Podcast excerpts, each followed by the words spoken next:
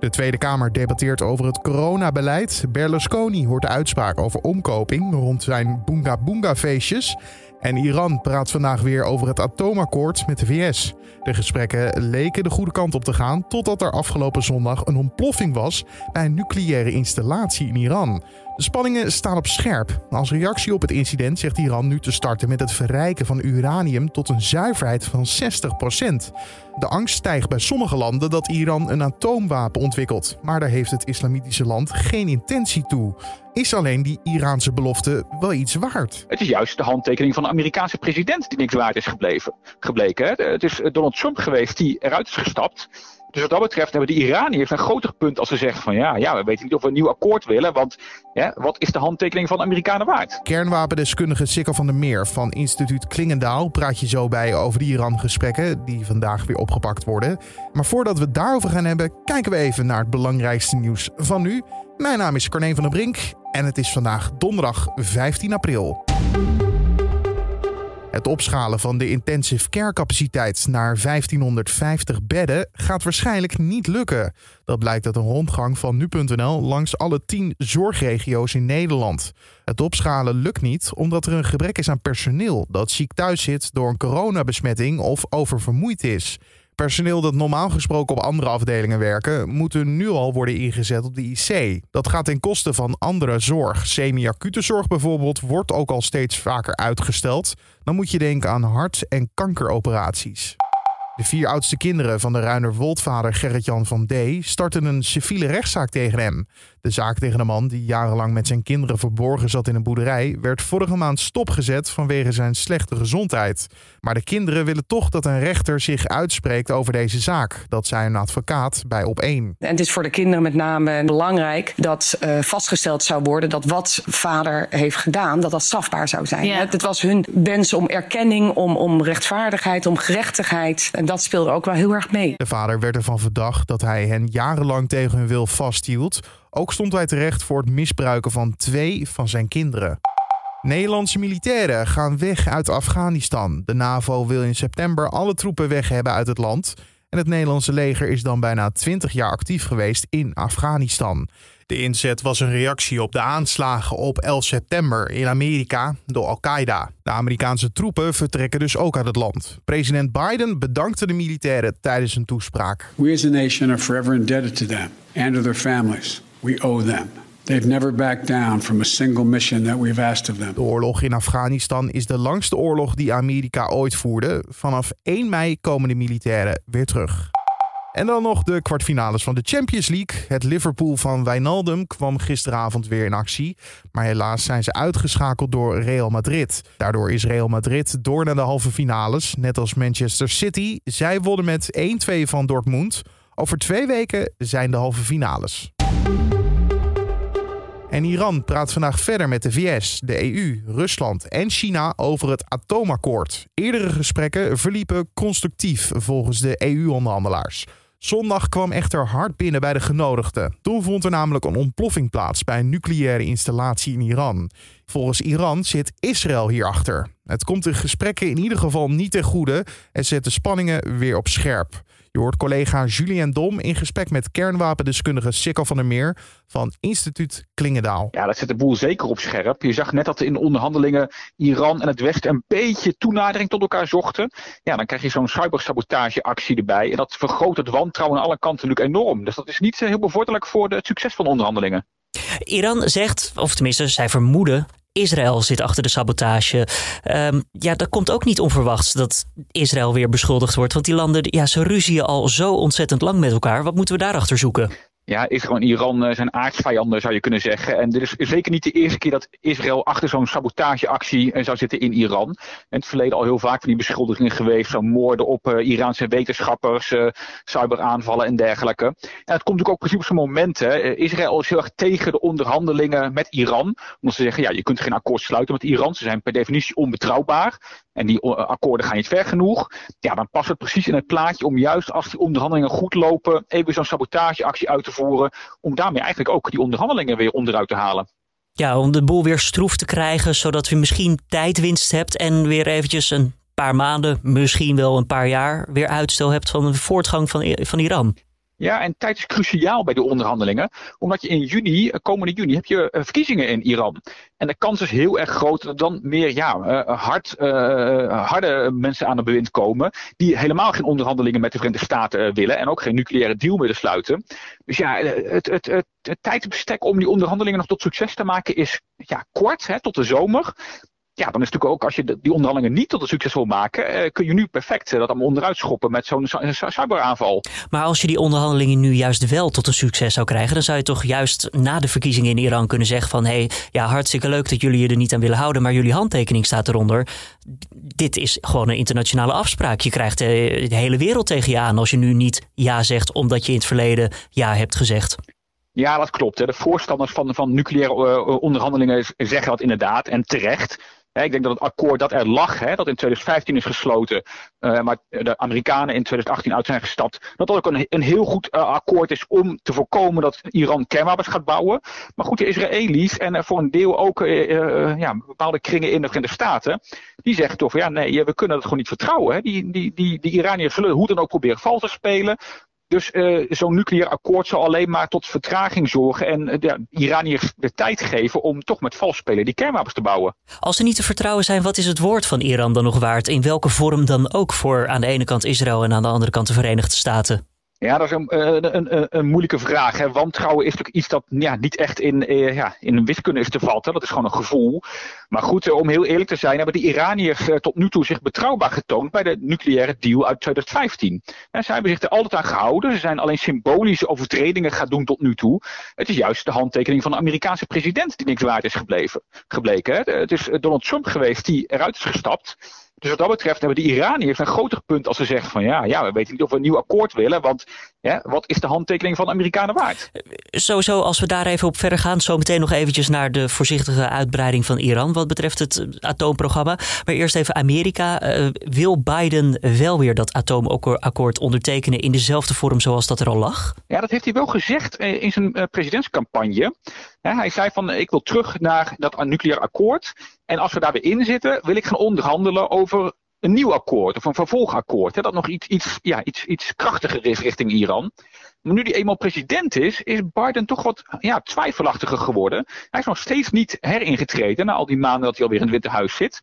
En dat komt deels door hè, interne lobby in de Verenigde Staten. Hij moet ook de achterban meekrijgen en de Republikeinen en dergelijke. Plus Israël is natuurlijk een oude bondgenoot van de VS. Die trok altijd samen op. Ja, en wat je een beetje ziet, het is een beetje een ouderwets spelletje van ja, wie knippert het eerste? Biden zegt nu, ik ga me pas herintreden in het nucleair akkoord als Iran zich weer helemaal 100% aan het akkoord houdt. Maar Iran zegt tegelijkertijd nee, wij gaan pas, pas ons weer 100% eraan houden als de Verenigde Staten eerst al hun economische sancties weer intrekken. Ja, dus dat is gewoon een spelletje, ja, wie zet de eerste stap? En tot nu toe uh, willen ze allebei niet de eerste stap zetten. En dan zit je een beetje in een, uh, een padstelling. Nou ja, de eerste stap. Iran neemt in ieder geval een volgende stap door te zeggen: ja, wij verrijken het uranium nu tot 60 procent. Uh, van volgens mij was het al 20 procent. Wat houdt zo'n 60 procent precies in?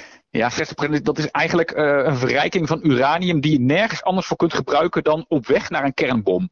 He, voor vreedzame doeleinden heb je 5% verrijking nodig. Misschien 20%. Hè, dat zegt Iran als ze nodig hebben. Maar voor een kernbom heb je 90% nodig. En 60% zit dichter bij die 90 dan bij die 5 of bij die 20%. Oftewel, ze zetten de boel weer even op scherp. Ja, zeker. Het is echt een provocatie van Iran.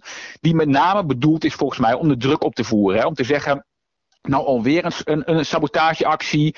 Dit pikken we gewoon niet. Hè. Uh, nu voeren ze druk op van ja, jullie moeten nu tot een akkoord gaan komen. Anders gaan we echt richting 90% verrijking ik denk dat ze het eh, in, in de praktijk niet zo zullen waarmaken. Ik denk dat het echt meer een, een, een, ja, een drukmiddel is, eerlijk gezegd. Ja, want kan het ook gewoon? Is het makkelijk om van 20 naar 60 en misschien wel naar 90 procent te gaan door gewoon aan een knop te draaien? Of is dit technologie die ze niet eens hebben en waardoor het dus eigenlijk een beetje bluffen in de wind is? Nee, ze kunnen het zeker. Ze hebben de technologie. Uh, ze hebben in het verleden ook tot 20% verrijkt. En het gekke is dat tot 20% komen is enorm moeilijk. Maar als je 20% kan verrijken, kun je ook heel makkelijk naar 60 of naar 90 gaan. En daarom is men altijd zo bang dat Iran die stap zet en heel vlug kernwapen kan gaan bouwen. Nou, vlug, hè, een paar jaar. Dus nee, Iran kan het. In die zin is het geen bluff. Alleen denk ik dat ze in Iran ook wel weten dat als ze het echt gaan doen, dat ze gewoon militaire actie uh, oproepen. Hè. Dan zullen de Verenigde Staten en Israël bijvoorbeeld, met misschien bondgenoten, toch wel luchtaanvallen gaan uitvoeren. Hè, als Iran echt richting kernwapenmateriaal gaat komen. En dat risico zal de Iraanse regering echt niet nemen. Dit is een risico wat waarschijnlijk de EU-onderhandelaars die bij de gesprekken aanwezig zijn ook niet willen. Uh, in hoeverre kunnen zij ja, de boel een beetje afkoelen? Ja, dat is lastig hoor. Kijk, de EU is inderdaad uh, een heel groot voorstander van uh, diplomatieke onderhandelingen uh, om zonder strijd tot een akkoord te komen. Maar ja, ze moeten andere partijen meekregen. Je zag vorige week dat er onderhandelingen plaatsvonden. Ook dat de, de Iraniërs en de Amerikanen niet eens direct met elkaar willen praten. Want met name de EU, maar ook Rusland en China zijn die tussen verschillende locaties heen en weer lopen om ja, de boodschappen over te brengen. Ja, ze moeten een heleboel wantrouwen overwinnen tussen die partijen. En toch, het is in 2015 ook gelukt. Dus ja, het zou zomaar weer kunnen lukken als alle partijen maar ja, van zin zijn om toch water bij de wijn te doen. Zou een akkoord realistisch zijn waar de VS gewoon geen onderdeel van uitmaakt? Dat beide zegt, nou weet je, dan maar geen handtekening vanuit Amerika, maar wel de handtekening van de EU zoals die hier staat en misschien ook van China, Rusland. En dat Iran zegt, nou dat is voor ons dan genoeg. Nee, dat denk ik niet. Dat akkoord ligt er eigenlijk. Hè. Dat is de nucleaire deal uit 2015 die nog door iedereen uh, wordt gesteund, behalve door de Verenigde Staten. Daarom. En het punt is dat de, de Amerikanen dan in hun eentje zulke uh, strenge economische sancties aan Iran opleggen, dat alsnog Iran niks terugkrijgt. Hè. Iran kreeg in ruil voor het terugschalen van het nucleaire programma handel cadeau, hè, het opschorten van de economische sancties. Ja, de Amerikanen zijn economisch zo machtig. En die dwingen nu ook weer eigenlijk alle bedrijven in de wereld tot een, ja, niet zaken doen met Iran. Hè? Als je als bedrijf waar dan ook zaken doet. Ja, het is gewoon een domino-effect dus. Ja, je, kijk, je, dus ze kunnen dus eigenlijk zeggen, hè, als je als eh, bedrijf zaken doet met, met Iran, dan kun je ten eerste geen zaken meer doen met de VS. Dan gaan je boetes opleggen. En dat kan alleen de grootmacht van de wereld. Dus die moet in zo'n deal erbij zitten. Anders dan ja, kunnen de andere landen uh, er niet veel anders uh, aan doen om, om Iran uh, toch weer blij te maken. Het maakt het allemaal niet makkelijker zo erop, hè? Nee, het is echt een heel lastig dossier. En toch denk ik dat uiteindelijk in de komende paar weken, misschien een paar maanden, dat er toch wel een deal zou kunnen komen hoor. Omdat iedereen uiteindelijk er belang bij heeft. Iran heeft belang bij het heropstarten van de economie. De Amerikanen en de rest van het Westen hebben belang bij dat ja, inkapselen van het nucleaire programma in Iran. Dus er zijn zeker ja, gemeenschappelijke doelen. Alleen moet dat wantrouwen nog overwinnen. Zal dat nog gebeuren voor de verkiezingen in Iran of na de verkiezingen, denkt u? Nou, ik hoop voor de verkiezingen, want na de verkiezingen wordt de kans echt een stuk kleiner, denk ik. Als daar wat meer gematigde uh, president Rouhani weg is. Dus ik hoop dat men heel erg haast erachter zet en dat men nog uh, voor de verkiezingen in Iran toch tot een, een, ja, of het herleven van de huidige overeenkomst of misschien een nieuwe overeenkomst.